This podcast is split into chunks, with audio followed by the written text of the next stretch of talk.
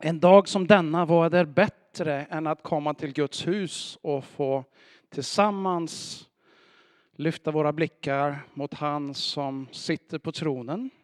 Han som är Herre, han som är skapare av himmel och jord.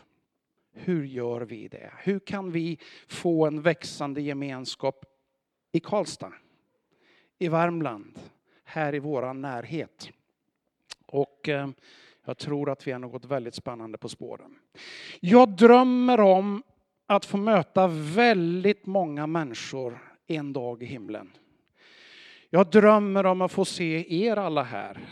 Men inte nog med det, jag drömmer om att få se era vänner, era grannar, era arbetskamrater. Jag drömmer om att få se människor ifrån alla jordens hörn. Alla möjliga språk, sång, dans som uttrycks på en mångfald av sätt, men som har ett gemensamt. Gud får äran. Jag tänkte ta med er till ett antal bibelställen till att börja med, för att lägga liksom som grunden. Och nu får ni liksom hänga med. De här bibelställena kommer att komma upp på skärmen. Jag hoppas att ni kan läsa och gör ni inte det så får ni hålla till god, godo med att lyssna. Men jag har valt ett antal bibelställen som på något vis kommunicerar växande. Och vad som är liksom vårat, alltså syftet som vi har, som Gud har gett oss. Eh, och sen så ska jag försöka att dra ihop det i några tankar lite längre fram. Men häng med här. Gud sa, vi ska göra människor som är vår avbild, lika oss. De ska härska över havets fiskar, himlens fåglar, boskapen, alla vilda djur och alla kräldjur som finns på jorden. Och Gud skapade människan till sin avbild. Till Guds avbild skapar han henne. Som man och kvinna skapar han dem. Och Gud välsignade dem och sa till dem, var fruktsamma och föröka er. Uppfyll jorden och längden under er. Härska över havets fiskar och himlens fåglar, över alla djur som myllrar på jorden. Och aposteln Paulus säger så här i ett sammanhang. För i honom är det vi lever och rör oss och är till. Så som även några av era egna skalder har sagt, vi är hans släkt.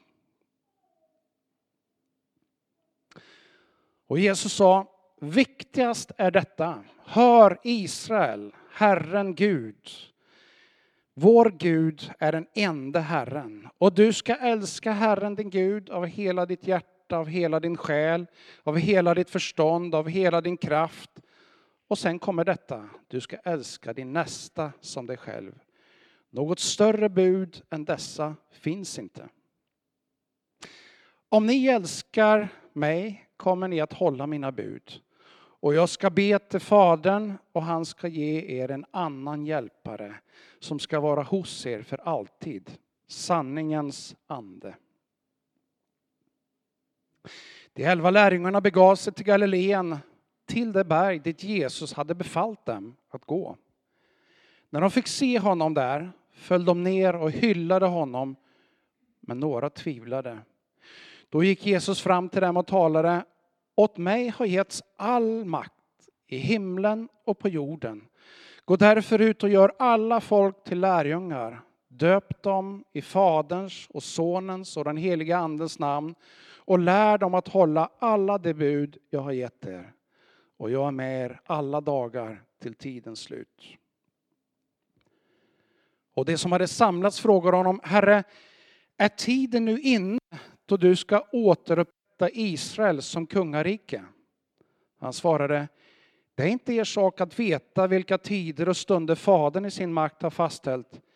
Men ni ska få kraft när den heliga anden kommer över er och ni ska vittna om mig i Jerusalem och i hela Judeen och Samarien och ända till jordens yttersta gräns.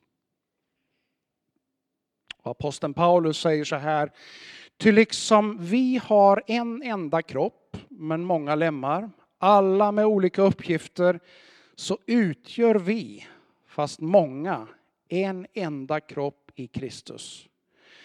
Men var för sig är vi lemmar som är till för varandra. Vi har olika gåvor allt efter den nåd vi har fått. Profetisk gåva i förhållande till vår tro. Tjänandets gåva hos den som tjänar. Undervisningens gåva hos den som undervisar. Tröstens gåva hos den som tröstar och förmanar. Gåvan att frikostigt dela med sig och vara nitisk som ledare och att med glatt hjärta visa barmhärtighet. Er kärlek ska vara uppriktig. Avsky det onda. Håll fast vid det goda. Visa varandra tillgivenhet och broderlig kärlek. Överträffa varandra i ömsesidig aktning och slappna inte i er iver. Håll er brinnande i anden och tjäna Herren. Och aposteln Petrus säger så här. Nåd och frid åt er i allt rikare mått genom kunskap om Gud, Jesus vår Herre. Till allt som leder till liv och Guds fruktan har hans gudomliga makt skänkt oss genom kunskapen om honom, som i sin härlighet och kraft har kallat oss. Han har gett oss sin stora, sina stora och dyrbara löften för att ni tack vare dem ska bli delaktiga av gudomlig natur sedan ni kommit undan det fördärv som begäret drar med sig i denna värld. Sök därför med all iver att till er tro foga styrka, till styrkan kunskap, till kunskapen självbehärskning, till självbehärskningen uthållighet, till uthållighet gudsfruktan, till gudsfruktan broderlig omtanke och till omtanken kärlek. Ty om allt detta finns hos er och får växa till blir er kunskap om vår Herre Jesus Kristus inte overksam utan bär frukt. Ett antal bibelsammanhang som är fyllda av sprängstoft. Och eh, alla de här bibeltexterna skulle vi kunna gräva i och det skulle hålla oss sysselsatta resten av den här dagen. Det är i och för sig ingen dum tanke. Tänk om vi skulle hålla oss sysselsatta resten av veckan med de här texterna. Men om du blir bekymrad av att du ska sitta här resten av veckan så, så eh, var lugn. Jag ska inte hålla på så länge utan en liten stund. Men jag skulle rekommendera dig, ta med de här texterna in i fikasamtalet, hem till köksbordet, till sängkammaren, till lunchrestaurangen eller vart du nu möter dina vänner, dina nära och kära. Och fundera över var, vad betyder det här i mitt liv? Och på lite tankar som hjälp på traven vill jag dela några saker här idag. Min första punkt är skapad med ett syfte. Jag vet inte om du fångar upp någonting av det som, som var i texten här som handlar om varför är vi till? Det är en av de stora livsfrågorna som de flesta människor brottas med en eller flera gånger i livet i olika skeden. Varför finns jag till? Min pappa som eh, fick flytta vidare in i det himmelska förra året, han sa inte så långt innan han dog, så länge jag har en uppgift så vill jag leva. Men när jag inte har någon uppgift längre, då har jag inget att leva för. Och hans uppgift i det sista, det var att vara vänlig mot de människorna som mötte honom, som gav honom vård och omsorg natt som dag. Att uppmuntra dem, sjunga en liten trudelutt, be en bön. Jag ber för dig.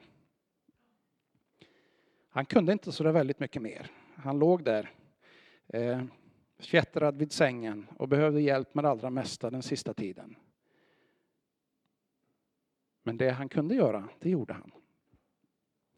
Och jag tänker att du och jag som ändå inte har kommit till det läget att vi ligger fjättrade, vi har kanske några fler saker som vi kan göra som på något vis besvarar den där frågan. Vad är det mitt liv är till för?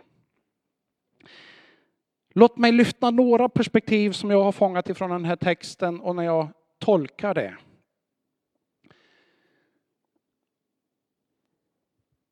Det första, kanske allra viktigaste, tänker jag är att vi ska ge Gud äran.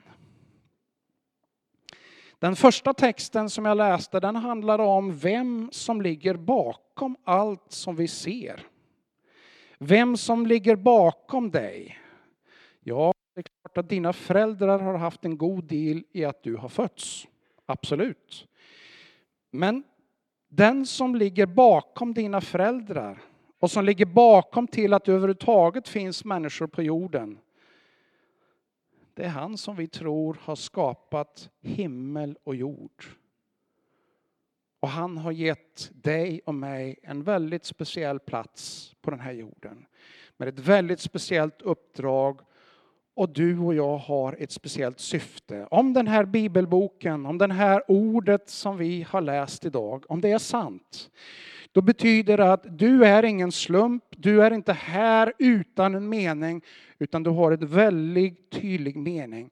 Och kanske den viktigaste och första meningen, det är att du ska ge Gud äran. För den han är och för det han har gjort. Tacka Gud.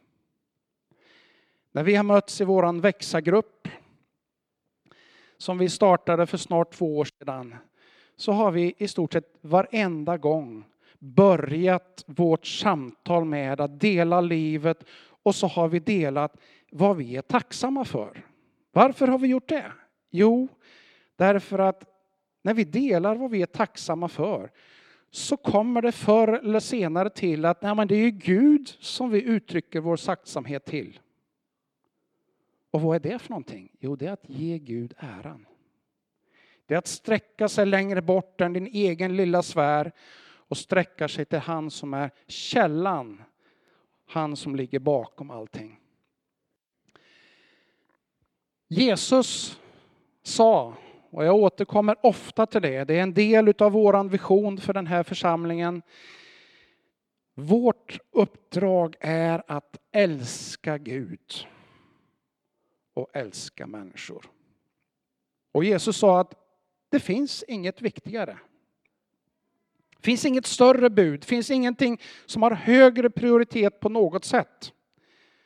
Jag läste en artikel här i tidningen Dagen för ett par dagar sedan. Andreas Nilsen som är pastor i Stockholm i en av Sveriges snabbast växande församlingar. Han var ganska hård i sina ord på ett sätt där han sa att det är så många människor där ute som väntar, som har ett stort behov. Och ändå så är det så här att en del av oss kristna ägnar oss att diskutera sånt som egentligen är helt oväsentligt i Guds rikes perspektiv. Älska Gud och älska människor, det är det som, det finns inget större. Hur kan du älska Gud? Hur kan du älska dina medmänniskor? Och funderar över det så är det många andra saker som bleknar i perspektivet. Så känner i alla fall jag. Och det där är något som är så oerhört väsentligt, någonting som är viktigt att återkomma till. Vi läste också i texten att vi är skapade att vara Guds avbilder. Det må vara att det har hänt saker under vägens gång. Det må vara att du inte är eller upplever dig som Guds bästa barn. Det må vara att jag inte är perfekt, men i alla fall är det ändå så att både du och jag är skapade till att reflektera Gud. Vi är skapade för att vara en avbild utav Gud. Och i en av texterna så säger Jesus så här att äh, men när, ni, när ni får den helige ande han som jag ber Fadern om han ska sända, hjälparen.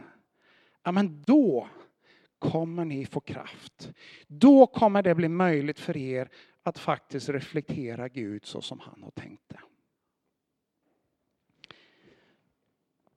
Reflektera och likna Gud det är en del utav ditt och mitt syfte. Det är också faktiskt meningen att du och jag ska inte hålla det goda vi har fått för oss själva. Egentligen inte i något avseende, därför att Bibeln talar återkommande om en generös livsstil. En livsstil där egentligen grundtanken är att det du och jag äger och har, det är egentligen inte vårat. Det har vi fått att förvalta. Det har vi fått utav Gud. Och om du har tjänat pengar så beror det på att Gud har gett dig förutsättningar att kunna tjäna pengar. Så om du har fått det gott ställt eller du har fått något annat så beror det ytterst inte bara på det du själv har gjort. Det är bra om du har kämpat, det är bra om du har gjort bra saker, det är bra om du har liksom förvaltat och tänkt rätt. Men att du kunde göra det, det berodde egentligen ytterst på att Gud gav dig en massa möjligheter. Och därför så talar Bibeln om en generös livsstil som handlar om att dela med sig. Och det inkluderar också tron och trons gemenskap. Och i det första kapitlet som jag läste ur så står det att föröka er och uppfyll jorden. Och jag tänker att det finns flera bottnar i det där uttrycket. Ja, absolut, så tror jag att det hör till en del i livets uppdrag av att få se barn komma till världen, sätta barn till världen, få se barn, barnbarn och flera generationer växa upp. Det är inte alla förunnat att få vara med om det. Men för de allra flesta så är det en möjlighet och någonting vi ska göra och som vi ska glädjas åt. Men jag tänker att det där uppdraget Gud gav, det sträcker sig längre än så.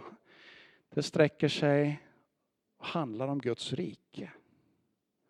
Budskapet ska nå till jordens yttersta gräns. Budskapet om att Gud älskar och därför kan vi älska. Budskapet om att det finns hopp, det finns glädje, det finns upprättelse. Det är någonting som inte du har fått för att hålla för dig själv. Nej, det är någonting du har fått för att dela. Dela med vänner, dela med dina grannar, dela med arbetskamrater, dela med de som bor på din gata, dela med de som är lite längre bort och till jordens yttersta gräns. Det är det vi är skapade för. Den andra punkten jag vill bara dela lite kort om, det är att vi är skapade för gemenskap.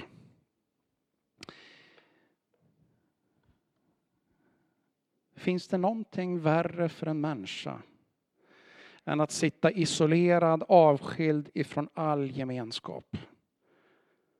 Ja, för en stund så kan det vara en befrielse för oss om vi står mitt uppe i alltihopa. Men det går inte så jättelång tid. Så blir det det förmodligen värsta helvete som man kan tänka sig. De som har suttit i fängelse och blivit isolerade, de vittnar om att det är bland det värsta som finns. Ju längre man är isolerad, desto jobbigare och värre är det. Och det blir destruktivt. Man börjar att bryta ner sina tankar och kommer i onda spiraler. Varför? Jo, helt enkelt därför att vi är skapade för gemenskap. Det var så Gud tänkte. Vi är skapade att inte vara själva, vi är skapade för att hänga ihop. Vi är skapade för att höra ihop. Och låt mig dela några viktiga punkter kring det. Ja, ni har sett det, älska Gud och älska människor. Vad handlar det att älska om för någonting? Det är gemenskap. Den du älskar vill du vara med, eller hur? Så är det i alla fall för mig. Den jag älskar vill jag vara med. Om jag inte får vara med den jag älskar, de jag älskar, ja, men då blir det någon form av obalans. Eh, det brukar vara så när jag har rest. Jag vet att jag ska vara borta en vecka eller två. Men när jag har varit borta ett litet tag så blir det som att det börjar krypa i kroppen. Varför det? Jo, därför att jag har inte möjlighet att vara med den jag älskar allra mest. Varför? Jo, därför att Gud har skapat mig sån. Jag tror att i det avståndet är inte du och så olika. Vi är skapade för att älska Och det betyder att vi är skapade för att återkommande ha både gemenskap med Gud, i bönen, i ordet, i sången, i den här gemenskapen. Men vi är också skapade för att ha gemenskap med våra medmänniskor. Vi är skapade för att leva i god gemenskap med Gud, med oss själva också faktiskt. Och det kan vara så här att du finns med här som känner att när man, jag brottas med mig själv. Jag är inte tillfreds över hur jag är eller den jag är. Eller jag duger inte till, jag räcker inte till. Och då vill jag bara ge dig de goda nyheterna. Ja, men det här är inte ett krav som du och jag måste uppnå i vår egen kraft. Utan det här är det Gud har skapat oss till och som han vill hjälpa oss till. Det betyder att det finns helande, det finns kraft, det finns hjälp, inte minst genom den heliga Ande. Att faktiskt få uppleva att du kommer till ro med dig själv. Att du får frid med dig själv. Och att du kan ha god gemenskap med dig själv. Och jag skulle bara vilja rekommendera dig. Är det så att du upplever att nej, men jag har inte den friden med mig själv av ett eller annat skäl. Ja, men missa inte chansen i slutet på gudstjänsten när vi bjuder fram till förbön. Då finns det förebedjare här som är beredda att be för dig. Och Guds mirakel kan hända i ditt liv. Kanske är det så att bönen här är liksom det som gör det stora skillnaden. Men kanske är det också så här att det kan finnas skäl att du ska fortsätta ha samtal. Och då är det så fint att i vår församling så erbjuder vi det goda samtalet. Och då kan du prata med förbedjan om att jag tror att jag skulle behöva samtala i en process för att faktiskt komma till ro med mig själv. Och så kommer de att hjälpa dig. Vi är skapade för att leva i harmoni, i goda relationer med våra medmänniskor. Och vi är skapade för att leva i god harmoni med skapelse. Varför? Jo, därför att Gud skapade oss för det i en ordning där det var tänkt. Sen kom synden in och förstörde en massa saker. Vi vet att vi lever under dess konsekvens. Men de goda nyheterna är att alla de där områdena har Gud en plan för upprättelse. Det är det frälsningsbudskapet handlar om. Det är det, det goda budskapet som vi kallar evangelium, eller Bibeln kallar evangelium. Det är det det handlar om egentligen. I en av texterna, Paulus text, så skriver han så här att vi är skapade olika, vi är skapade med olika gåvor, med olika möjligheter, med olika saker som vi kan bidra. Inte som vår egen meritlista eller bidra till min egen liksom förträfflighet. Nej, att bidra framförallt till varandra. Så du är skapad för att du har någonting att ge till dina medmänniskor. De du har nära dig, de du möter eller de som du kanske ska möta men du ännu inte har mött. Du har någonting som Gud har gett dig till för varandra. Vi är också skapade för växande. Och vi berörde det lite grann. Och låt mig bara slå fast.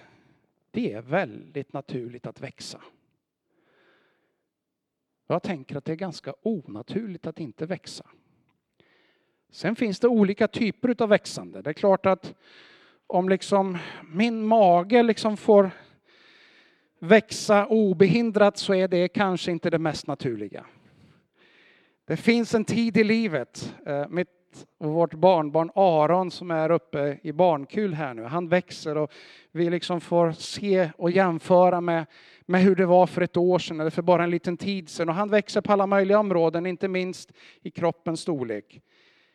Det är en fas utav växande. Sen kommer det läget när vi liksom har växt färdigt på längden. Och så börjar det kanske växa lite grann på den här också.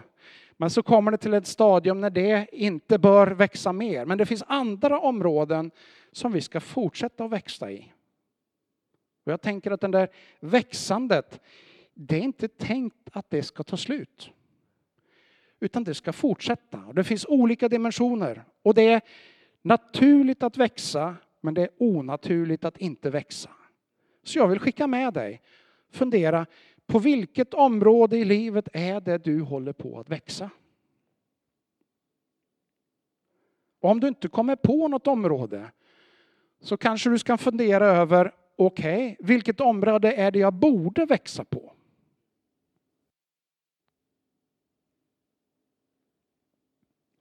Växa som människa kan innebära en massa olika saker. Jag har bara nämnt några stycken här.